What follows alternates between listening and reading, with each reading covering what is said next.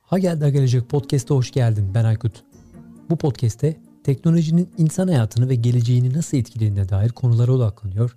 İnternet teknolojileri, sürücüsüz araçlar, sanal gerçeklik, yapay zeka gibi birçok teknoloji temelli konuyu bizzat bu konuları çalışan, bu alanlara yatırım yapan, teknoloji dünyasının içinden gelen akademisyen ve girişimcilerle konuşup tartışıyoruz. Size de öyle geliyor mu bilmiyorum ama gittikçe takip etmekte daha çok zorlandığımız, baş döndüren bir hızla değişen bir dijital dünya ile karşı karşıyayız. Üstelik pandeminin de çarpan etkisiyle dijital araçların zorunluluk haline geldiği bir dönemi yaşıyoruz hep birlikte. Tabi bu yoğun dijital kanal, ürün ve hizmet kullanımı beraberinde ağır bir dijital risk ile birlikte geliyor. Kişisel veri güvenlik açıkları, şifrelerin güvenliği, birçok platformda karşımıza çıkan phishing ataklarına karşı güvenlik sorunu. İşte bu sezonu tam da bu ikilemden yola çıkarak hazırladık. Önümüzdeki 6 bölüm boyunca dijital dönüşüm, dijital riskler ve güvenlik, artan e-ticaret ve ticaret alışkanlıkları, alışveriş güvenliği gibi hepimizin hayatında önemli yer tutan başlıklara yer vereceğiz.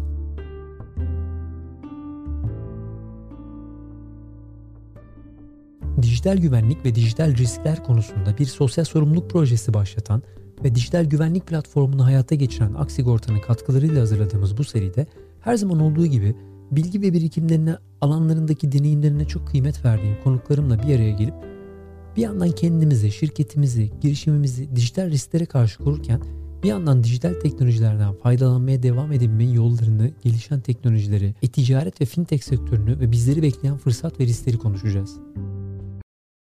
Ha Geldi Gelecek Podcast'in yeni bölümüne hoş geldiniz. Bu bölümde gerek kurumların gerek bireylerin yakından ilgilendiren dijital güvenlik üzerine konuşmak üzere Sigorta Genel Müdürü Sayın Uğur Gülen ile birlikte olacağız ve hayatımızı ciddi anlamda değiştirebilen, pozitif ya da negatif anlamda değiştirebilen etkilerin üzerine konuşacağız. Siber güvenlik üzerine konuşacağız. Uğur Bey hoş geldiniz. Nasılsınız? Çok teşekkür ederim Aykut Bey. Sağ olun.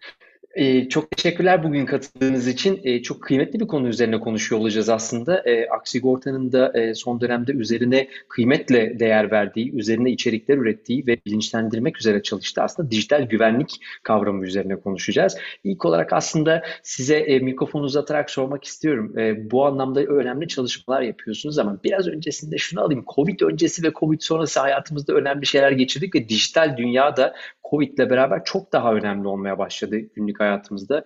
Evde bilgisayarları daha çok kullanır olduk, platformları daha çok kullanır olduk.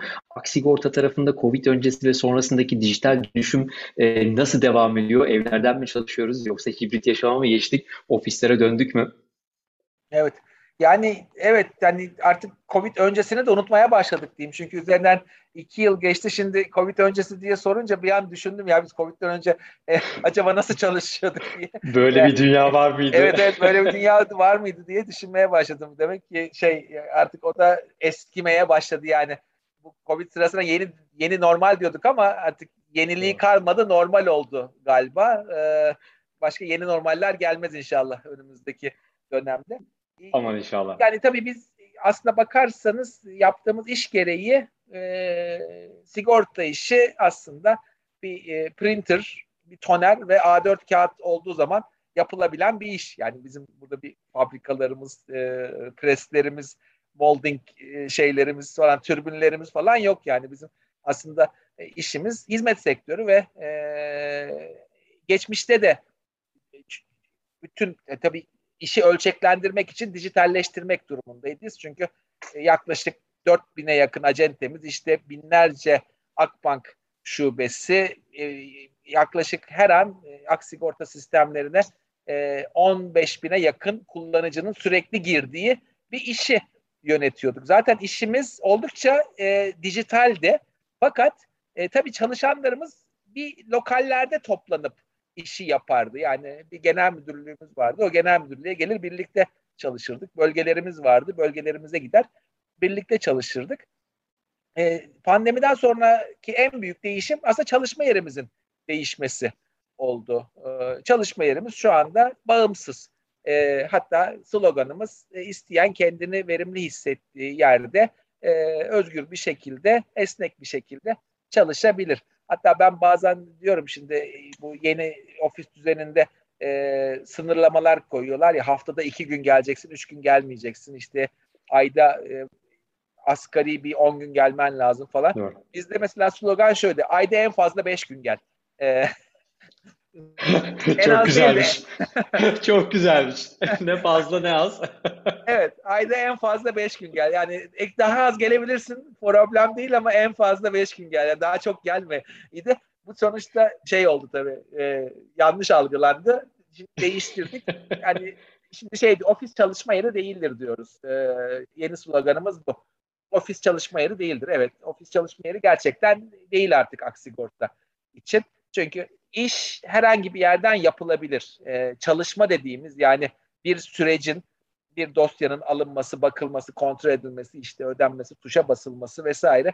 Bunu evde yapabilirsin veya deniz kenarında Doğru. güneşlenirsen de yapabilirsin. Burası, burasını sen seç. Yani özgürsün işini nereden yapmanda. Ama ofis bir e, işbirliği yaratma yeridir.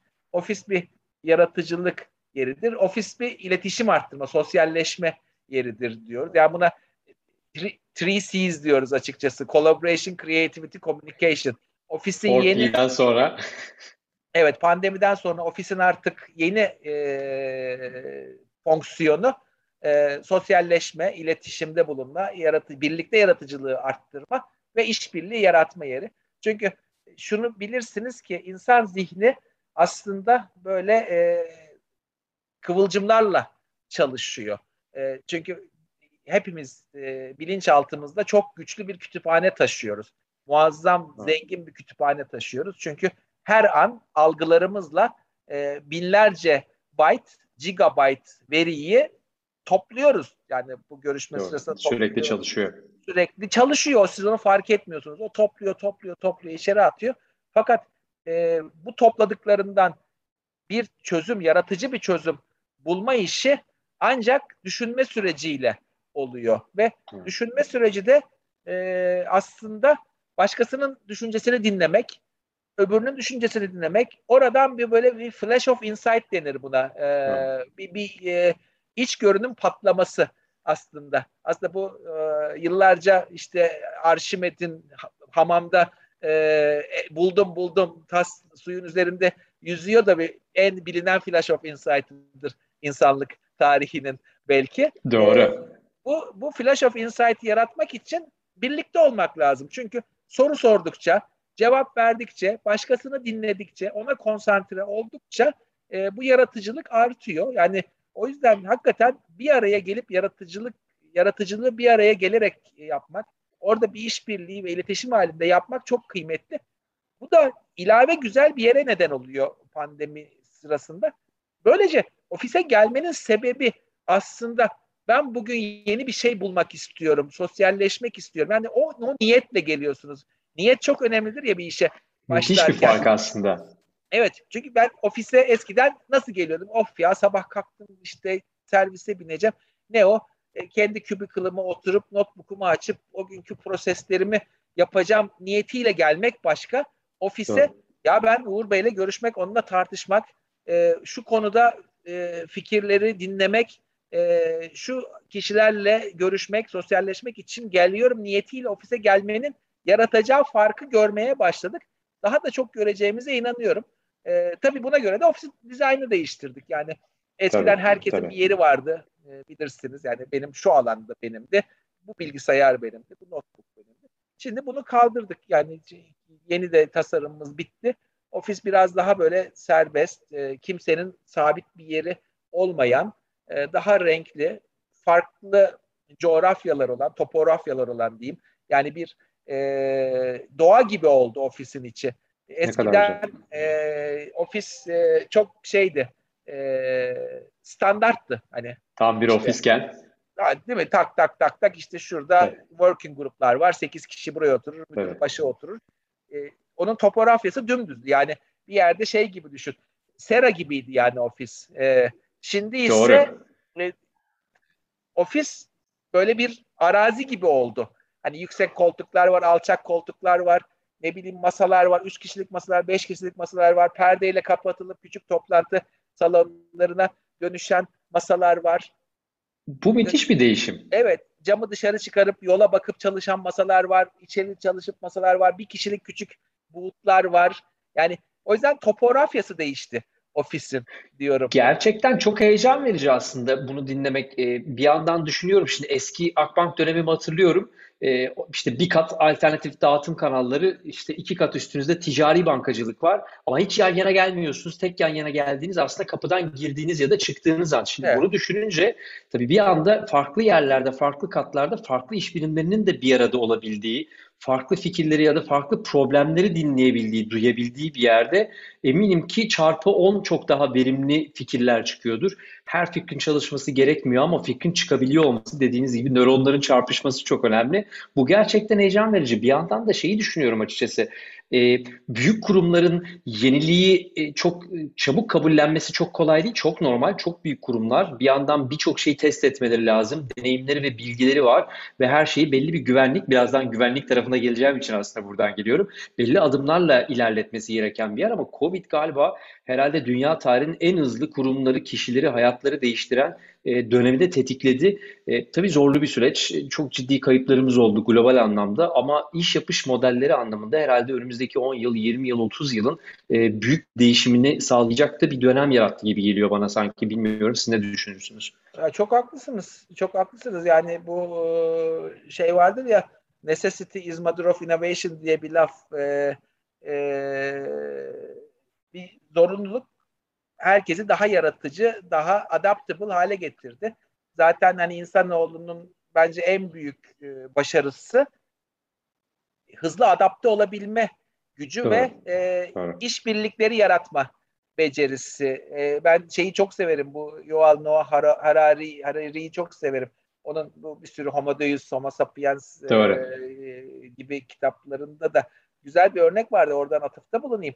Hani bir insanla bir şempanzeyi bir, bir ıssız adaya bıraksanız büyük ihtimalle ayakta kalacak olan e, yaratık şempanzedir. Yani insan orada ayakta kalamaz. Ama 50 insanla 50 şempanzeyi aynı adaya bırakırsanız büyük ihtimalle o adayı fethedecek olan kişi insanoğludur. Niye? Çünkü e, insanoğlu işbirliği yapabilme ve iş kendi çıkarlarını çıkarları Doğru. için bir araya gelebilme becerisine sahip. Bu da onun bu adaptasyon yeteneğini e, çok hızlı bir şekilde geliştiriyor. Yani şu anda biz e, bir dünyada Covid virüsüyle aynı yerdeyiz diyeyim. Yani orada şempanze yerine Covid evet. var ve e, çok ciddi tehdit etti insanoğlu. Yani insanoğlu her ne kadar e, doğaya karşı yani görebildiği evet. doğaya karşı o kadar üstünlük sağlamış ki işte dinozorları öldürmüş, hayvanları öldürmüş, ormanları kesmiş, atmış, okyanusları mahvetmiş. Maalesef. Yani buraya böyle bir seri katil gibi gezegeni aslında ele geçirmiş Maalesef. insanoğlu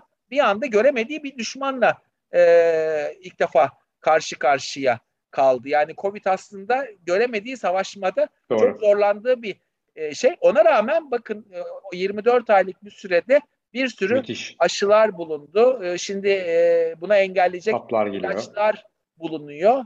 E, ne bileyim e, kontrol mekanizmaları arttırıldı. Ülkeler arasında işbirliği arttırıldı ve e, bir anda kendi neslinin sürekliliğini sağlamak için virüse karşı muazzam bir savaş açtı. Yani e, böyle bakınca aslında ilginç bir hikaye var karşımızda. Gerçekten öyle. Hayatta kalma savaşı e, bir yandan siz şimdi virüsler ve güvenlik dediğiniz evet. için aslında oradan çok güzel bir konuyu alalım. Bir yandan Kesinlikle. o savaşın bir aynısını da siber dünyada veriyoruz.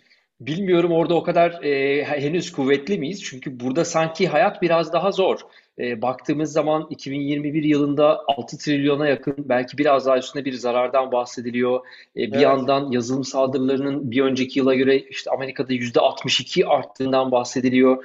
Eski tarihlerde hatırlıyorum işte 2000'lerin başında siber saldırı yılda bir iki haber olabilen çok büyük olayların haber olduğu bir yerken bugün e, her gün yeni bir haber duyuyoruz. İşte bir gün ransomware'lerle e, petrol hatlarını e, tehdit altına alıyorlar. Bir gün hastaneler gidiyor. Bambaşka bir dünyaya giriyoruz. Sizin açınızdan baktığımızda Burada da şunu söylemek lazım. Aslında siber güvenlik ve sigorta kavramı daha evvel birçok e, gündelik hayatın içerisinde çok da akla gelen bir yer olmayabilir bundan önceki dönemlerde ama baktığımızda artık neredeyse ayrılmaz bir bütünün parçaları haline gelmeye başlıyor. Siz bu açıdan ne düşünüyorsunuz? Baktığımızda nasıl bir dünyaya doğru gidiyoruz ve Aksigorta'nın bu tarafta e, aldığı aksiyonlar nedir? Çünkü bu anlamda e, bir eğitim süreci de aslında bilinçlendirme süreci de uyguluyorsunuz ülkede. Kesinlikle. Yani e, şey konusunda katılıyorum. Biraz önce Covid'den bahsettik. E, hayatımızın da büyük kısmı, şu anda yaşantımızın da büyük kısmı, işimizin de büyük kısmı aslında e, bu ağların üzerinde olmaya başladı. Evet. Yani hep söylerler ya dünyayı etkileyen 3-4 tane ağ çok önemlidir. Yani önce bir e, değil mi tren yolu e, ağı, e, arkasından elektrikin dağıtılması, elektrik ağları, en sonunda da 90'lı yılların da çıkan internet ağı ve onunla onunla birlikte aslında dünyada 8 milyar insan varsa aslında teorik olarak 8 milyar insan birbiriyle connected hale geldi. Ee, değil mi? Bunu ben şunda 7.9 milyar insana mesaj gönderebilirim. Onların e, nerelerde e, nasıl adreslerde vesaire bu. Yani süper bir connectivity arttı. Bir, bir bu, bu connectivity'nin artması ve inanılmaz bir connectivity'nin artması e, diğer taraftan e, günlük transaksiyonlarımız, günlük transaksiyonlarımız hem bireyi olarak kendimizin yaptığı özel transaksiyon, transaksiyonlar, işlemler hem de iş yerindeki işlemlerimizin tamamı neredeyse e, veri sistemler üzerinde dijital ortamlarda iz bırakmaya başladı. E, bu bu da bu, bu, bu birbirine 8 milyar connected bağlantı ve bunun üzerinde bir de her bireyin e, saatlerce e, transactionlarını yaptığı bir dijital ortamı konuşuyoruz. Aslında aslında hayat artık ekranda ne kadar süre geçirdim, ekran dışında ne kadar süre geçirdime doğru dönmeye evet. başladı. Yani evet. ben mühendislik yaparken ben e, machine idle time grafiği çizerdik. Yani bir tarafta makine oh, çalışıyor, bir tarafta işçi çalışıyor. Makineyle işçinin nasıl çalıştığı. Şimdi Şimdiki yeni grafiğimiz şu. Kaç kişi ekranda toplantıya katılıyor? Ne kadar idle zamanı var? Yani şimdi böyle olunca hayat muazzam hızlı bir şekilde dijitalleşti. E, tabii dijitalleştikçe e, buna karşı bir takım riskler de oluşmaya başlıyor. Çünkü e, herkes e, e, bir, bir gelir peşinde, bir bir e, üretim yani kiminin ki sigorta satarak gelir yaratmaya çalışıyor. Kimisi de sigorta satmayı engelleyerek e, gelir yaratmaya çalışıyor. İnsanoğlunun yani her zaman zekasını e, olumlu yönde kullanmıyor. Olumsuz tarafta maalesef, da maalesef. kullanıyor ve bu bu dijital ortamdaki riskler de e, herkes orada olunca tabii riskler orada doğmaya başladı ve e, siz de bahsettiniz e, muazzam sayıda e, şey geliştirildi Hani bu sistemleri engelleyen, çalışmasını engelleyen, yanlış çalıştıran vesaire. Yani normal gidişatı bozarak e, gelir elde etmek isteyen bir e, şey, indust, in, endüstri Doğru. çıkmaya başladı. E, ve bu endüstri her geçen gün gelişiyor, büyüyor. Çünkü her geçen gün daha çok dijitalleştiriyoruz. Daha çok dijitalleşince o dijitalleşmenin önüne geçen yeni e, bir engelleyici endüstri çıkmaya başlıyor. Bence bu e, dijital risklerin e, şeyi e, buradan kaynaklanıyor. Hani bunlarda baktığımız evet. zaman işte böyle virüs benzeri, Covid yani Covid benzeri virüslerle e, kodların e, sistemlerin içine girerek e, o sistemlerin çalışmasını engelleyen, yavaşlatan, durduran e, o, o, o oradaki bilgileri e, kontrolsüz bir şekilde dışarı çıkmasını sağlayan veya bir parasal senin adına e, senin olmayan işlemlerle e, parasal işlemler yapılan bir takım yazılımlar, e, şeyler çıkmaya başladı ve bunlar her geçen gün artıyor, her geçen gün artıyor. E, ve bir savaş var yani şu anda. E, dijitalleşmenin getirdiği faydalarla bunun getirdiği riskler arasında her gün çatışma var, her gün çatışma var ve her gün yenileri çıkıyor. Bir yere engelliyorsun başka bir şey çıkıyor. Bir yere engelliyorsun başka bir şey çıkıyor. böyle ilginç ilginç bir e... ve ve anladığım kadarıyla şeyi de gerçekleştirmek gerçekten çok zorlu hale gelmeye başladı. Şimdi e, okul hayatından bu yana baktığımızda e, bir siber bilinç, siber eğitim e, en azından yaygınlaşmış bu anlamda bir bilinçlendirmeyi tekelden yapabilmek globalde de çok zor. Sadece Türkiye için değil e, teknolojinin bahsettiğiniz gibi bu kadar hızlı ilerlemesiyle hangi eğitimi ne zaman vereceğiz ve onu ne zaman update edebileceğiz, güncelleyebileceğiz ki yeni nesil, yeni gelenleri buna e, adapte edebilelim ya da daha evvel bu teknolojileri hiç kullanılmamış olanları adapte edebilelim. Orada çok ciddi bir boşluk var. Burada peki e, aksigorta olarak neler yapıyorsunuz Uğur yani, Bey? Çünkü sigortacılık baktığımızda kurumlar açısından tabii çok önemli e, ama bireylerin de bu arada dijital hayatta çok ciddi riskleri var. O doğru. tarafta bakışınız Aslında nasıl, çalışmanız sigortacılık nasıl? yani sigortacılığın ruhuna da çok uygun bir şey bu. Ee, şunu söyleyeyim, sigortacılık aslında sigortacıyla sigorta ettirenin ortak yapması gereken bir iş. Şunu demek istiyorum. Ee, ben bir konut sigortası yapıyorum ama siz evinizin camları açık yatıyorsunuz, kapıları açık yatıyorsunuz. Şimdi siz sigortalı olarak e, benim kadar sorumluluğunuz var. Kendi malınızı korumakla ilgili. Ben de sizin malınıza başına bir zarar gelirse onu e, korumakla veya size onun ödemesini yapmakla kendimi sorumlu hissediyorum. Ama diyorum ki ey kardeşim sen de kapılarını açık bırakma ha. Çünkü bu ortak sorumluluğumuz bizim. Bu bizim ortak sorumluluğumuz. Bir malı korumak bizim ortak sorumluluğumuz diyoruz. Bir kere yani sigortanın ana mantığında e, buna koasürans deniyor. Birlikte sigortalamak, birlikte korumak aslında e, hem sigortacı hem sigorta ettiren malı birlikte korumak durumundadır. Bu temel felsefesidir sigortacılığı.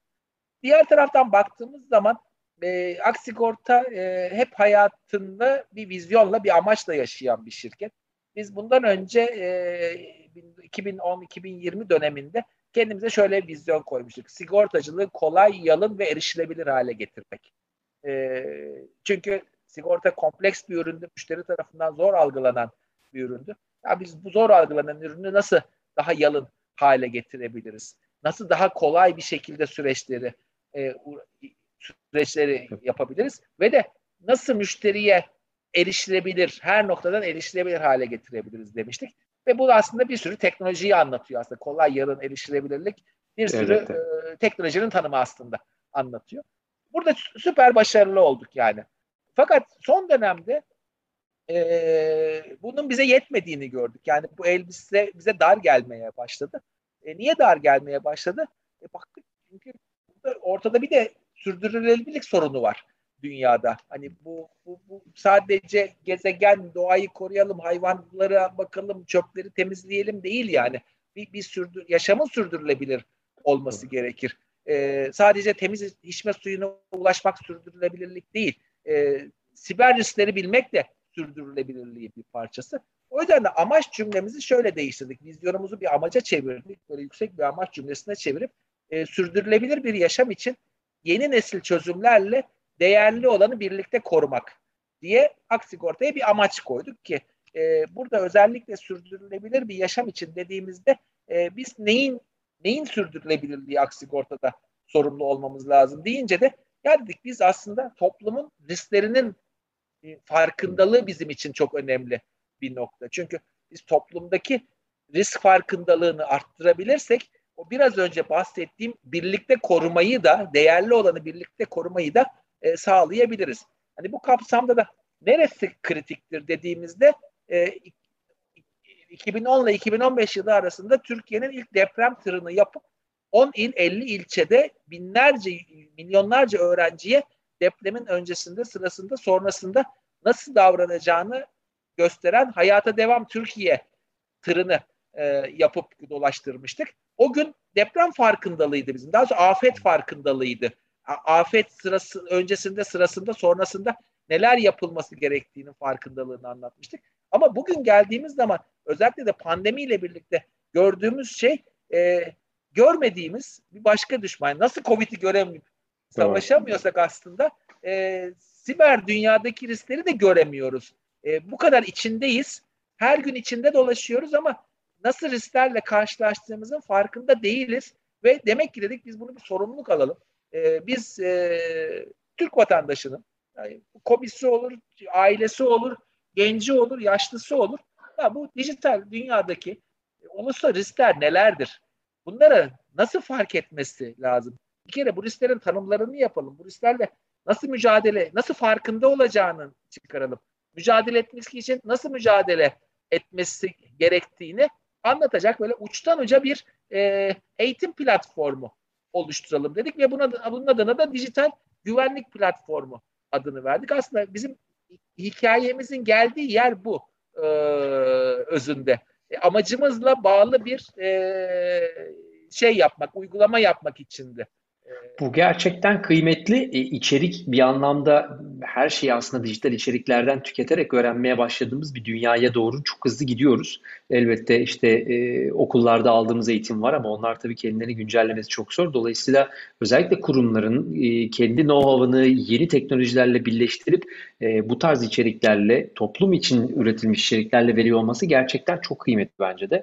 Burada mesela ben şeyi çok merak ediyorum. Bir yandan e, daha evvel yine e, birlikte sigorta konusunda yaptığımız bundan evvelki e, e, podcastlerimizden birinde de sorularımdan biri buydu. E, Mesela Tesla'dan bahsediyoruz, otomatik araçlardan, kendi kendine giden araçlardan bahsediyoruz. Bir yandan e, kendi kendine hiç durmadan çalışan işte dark e, fabrikalardan bahsediyoruz, karanlık fabrikalardan bahsediyoruz. Aslında kararı tamam, tamamen dijital platformların aldığı bir dünyadan bahsediyoruz ama insan olarak artık bunun içinde izlemi verdiğiniz örnek güzeldi. Ee, insanın çalışma saati, makinenin çalışma saati, makinenin çalışma saati insanı geçti.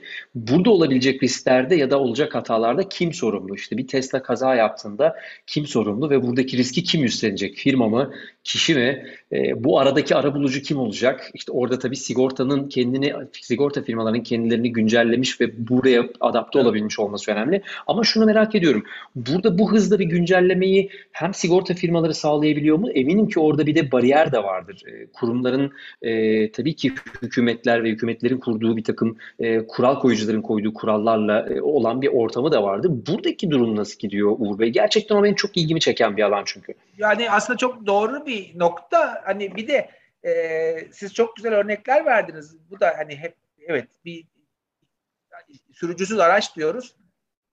Sürücüsüz araç bir kaza yaptığında evet. bunun sorumlusu kim olacak? Sürücü bugün sürücü hatalı oluyor. Kusurlu Doğru. olan sürücü. E, yarın öbür gün araç o aracın software'i mi kusurlu olacak? O software'i kodlayan e, mühendis mi kusurlu olacak? Çünkü e, mühendis belki önünde e, yan tarafa giderse 5 kişiyi e, ölümüne Zarar sebep olacak ya da, kötü bir evet, örnekle. Doğru. Sol tarafa giderse bir kişinin ölümüne sebebiyet verecek. Yani algoritma Aa, ben burada 5 gördüm 5'i yapmayayım e, sağa sola döneyim bir kişiyi mi e, öldüreyim. E, bu kararı kim verecek? Bu kararda kusur kime ait olacak? Evet bunlar çok zor sorular yani bunlar bugün cevapları da olan sorular değil. Doğru. Zaten hani siber sigortanın da henüz e, tam anlamıyla yaygınlaşmamasının sebebi yeni olmasından kaynaklı. Yani evet. çünkü sigorta sektörü e, bir yerde geçmiş istatistiklere bakarak, geçmiş olaylara bakarak e, sigortacılığı geliştiriyor. E, eminim ki ilk araba çıktığı zaman, sokağa çıkıldığı zaman sigorta diye bir şey yoktu yani. E, belki Doğru milyonlarca araba olup kazalar olmaya başlayınca sigorta olmaya, sigortacılık e, çıkmaya başladı e, veya e, ilk sigortacılık ne zaman çıkıyor? Gemilerde çıkıyor. Yani sömürgecilik başladıktan sonra sigortacılık ortaya çıkıyor biliyor musun? Çünkü Lloyds diye bir adamın kahvesinde ortaya çıkıyor İngiltere'de. Çünkü ne oluyor? Bu sefer artık sömürgeleşme başladı. Avrupa e, işte diğer kıtaların mallarını getiriyor, oralara mal götürüyor e, gemiler batmaya başlıyor. Gemiler e, korsanlar tarafından kaçırılmaya başlanıyor ve e, bir geminin sahibi var, üzerinde malın sahibi var. E, gemi de sigortalanmalı, üzerindeki mal da sigortalanmalı. Bu sefer mal sahipleri kahvede otururken e,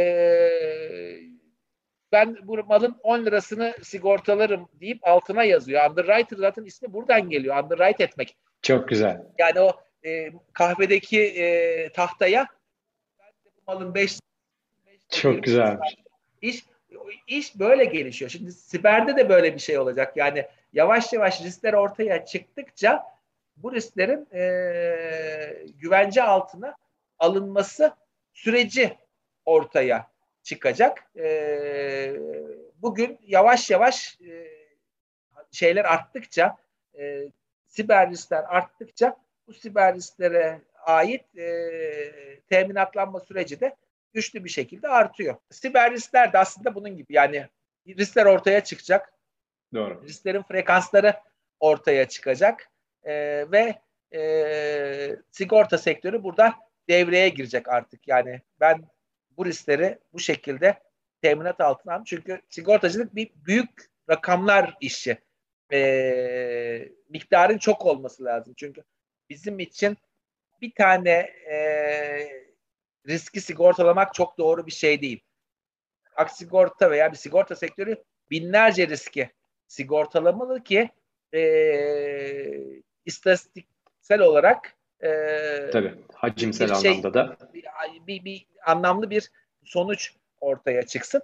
Bu kapsamda e, siber sigortalar bence yaşam eğrisinin başlangıç dönemlerinde. Ben önümüzdeki yıllarda çok hızlı büyüyeceğini yani böyle üstsel büyüme diyorlar ya bu eksponansiyel Doğru. büyüme diyorlar. Bu eksponansiyel büyümenin bu siber sigorta işinde olacağını öngörüyorum. Çünkü siz de söylediniz 2021 yılında 6 trilyon dolarlık e, siber riskin gerçekleşeceği öngörülüyor. Çok büyük bir rakamı konuşuyoruz.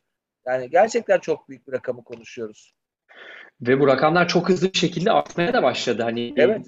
hani bir, bir internet ya da bilgisayar kullanımı bilinç ne kadar bilinçlendirsek de bizim bilinçlendiğimiz hızdan çok daha hızlı bir şekilde bir e, hacker aktivitesi oldukça bu işler kolaylaştıkça tabii ki şey zor. Yani bugün internette çok kolay bir şekilde aslında e, bir bilgisayara nasıl ekleyebileceğinizi bütün adımlarını bulabiliyorsunuz.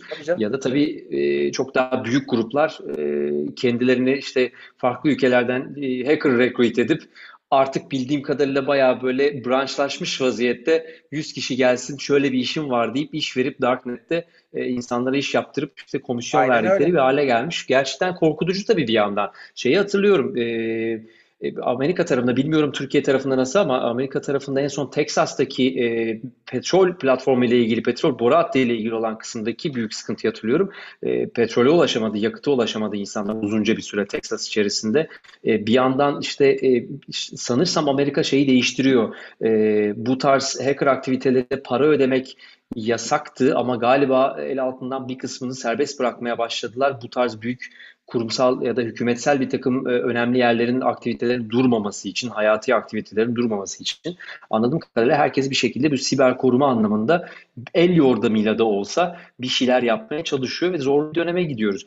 Peki şunu soracağım size son olarak aslında Türkiye teknoloji gerçekten çok hızlı sahiplenen ülkelerden biri.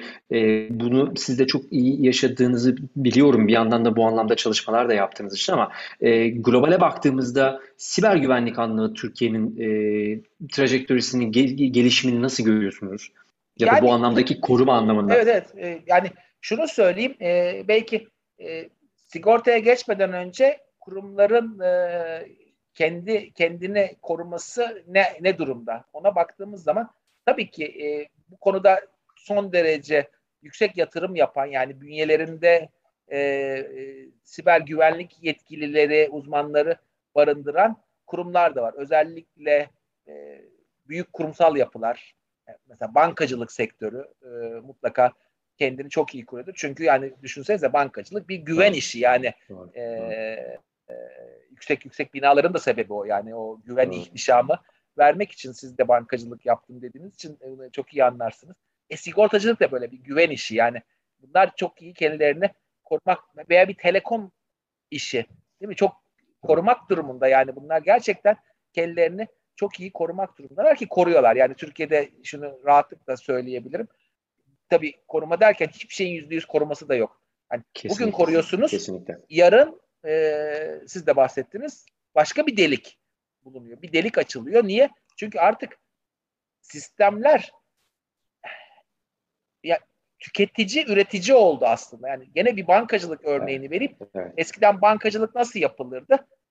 Bankaya giderdiniz. Hani o günleri siz belki yaşınız yetmez ama benim biraz daha sizden şeyim. Havale yapacağınız zaman orada bir kağıt imzalardınız. Kağıt doldururdunuz.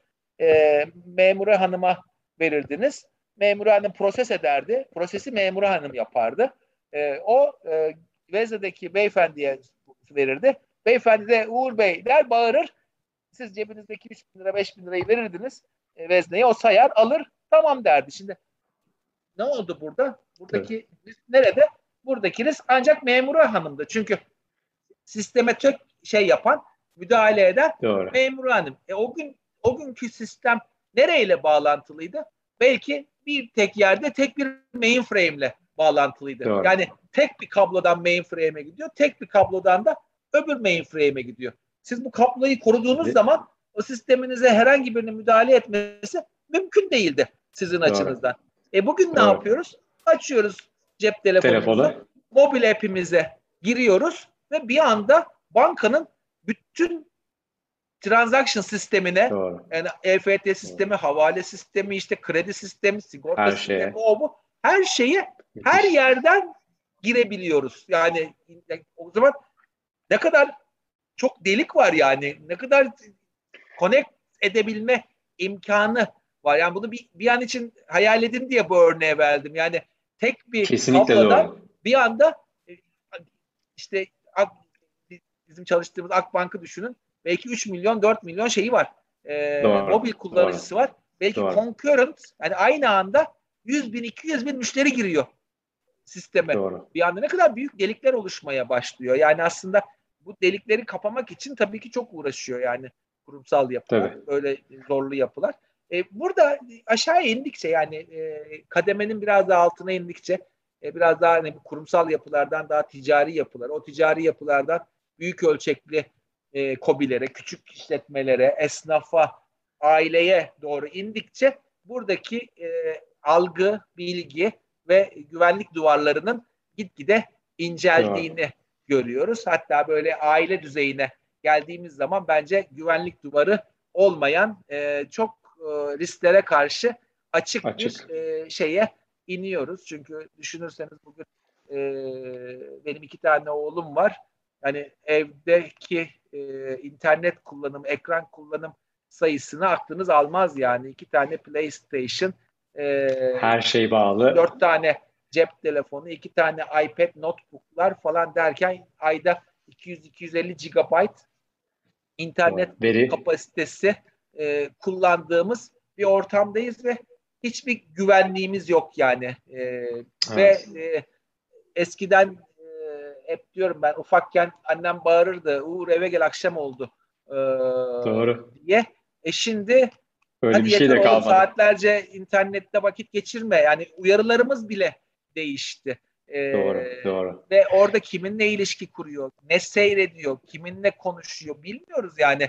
Ne kadar kontrol etseniz de e, sanmıyorum ki süper hakim olalım hiçbir şeye. Kendi kendimize etsek dahi karşımızdakinin ne olduğunu bilemediğimiz bir ortam. Aslında geçen Aynen. geçtiğimiz günlerde işte Facebook Metaverse'ü tanıttı. Ben evet. hep şey düşünüyorum. Hangisi gerçek? Yani evet. bu artık gerçek dünya değil. Biz tamamen öteki dünya entegre olduk. Ara ara ondan çıkıp fiziki evet. dünyaya gidiyoruz. Evet. Hiç fiziki dünyada olmuyoruz artık. Bugün evet. şu anda da sizinle evet. tamamen sanal bir ortamda. Sanal dünya. iş gerçekleştiriyoruz yani, aslında. Yani gerçekten şimdi çok zor bir denklemin içindeyiz. Çok zor bir denklemin içindeyiz. Ee, hani bu zor denklemde biz ne yapabiliriz? Hiç değilse bunun farkındalığını Doğru. sağlayalım. Ya yani aslında e, çok basit bir şey yapıyoruz. Ee, Doğru. Bir şey biz biz bir taş atmış oluyoruz aslında. Evet. Üstüne üstte dediğiniz gibi aynı sigortacılığın işte örneklemlerden yola çıkarak biriktirdiği verileri değerlendirip başka bir dünyaya daha güvenli bir dünya yaratmaya gittiği gibi aslında biz de deneye deneye göre göre çok hızlı değişen bir dünya ve her şeyimizi tamamen bağladığımız bir dünya. Gerçekten çok e, keyifli bir görüşme oldu Uğur Bey. Çok teşekkür ediyorum. E, çok keyifli bir sohbet oldu. Evet ben teşekkür ederim. Ağzınıza sağlık. İyi ki katıldınız. Sağ olun. Sağ olun. Başarılar diyorum. Çok teşekkürler. Benim için de çok, çok keyifli oldu. Çok teşekkür ee, ederim. Kendi açımdan da ufuk açıcı oldu. Ee, Estağfurullah. Çünkü okay. konuştukça konuştukça e, o şeyler nöron çarpışmaları gerçekten ne kadar güzel. Benim için de. gerçekten. Benim için de aynı şekilde en keyif aldığım taraf bu işin bu. Gerçekten çok farklı disiplinlerden, çok farklı deneyimli olan insanlarla bir araya gelebilmek, e, o fikirleri alabilmek kıymetli. Umarım ki dinleyenler de aynı keyfi almıştır. Farklı Tabii. sorular oluşmuştur. E, eğer dijital güvenlikle ilgili soruları varsa bu arada dinleyenlerin de lütfen Akbank'ın, e, Aksigorta'nın dijital güvenlik platformuna bir göz atsınlar. Hem bireyler için hem kurumlar için e, oldukça kapsamlı içerikler var burada ve sektörün en önemli kişilerinin oluşturduğu içerikler. Dolayısıyla buraya da göz atmanızı mutlaka tavsiye ederiz diyeyim. E, tekrardan çok teşekkür ediyorum Uğur Bey geldiğiniz, katıldığınız için bu podcast'te. Sağ olun. Görüşmek üzere. İyi günler dilerim. İyi günler. Sağ olun.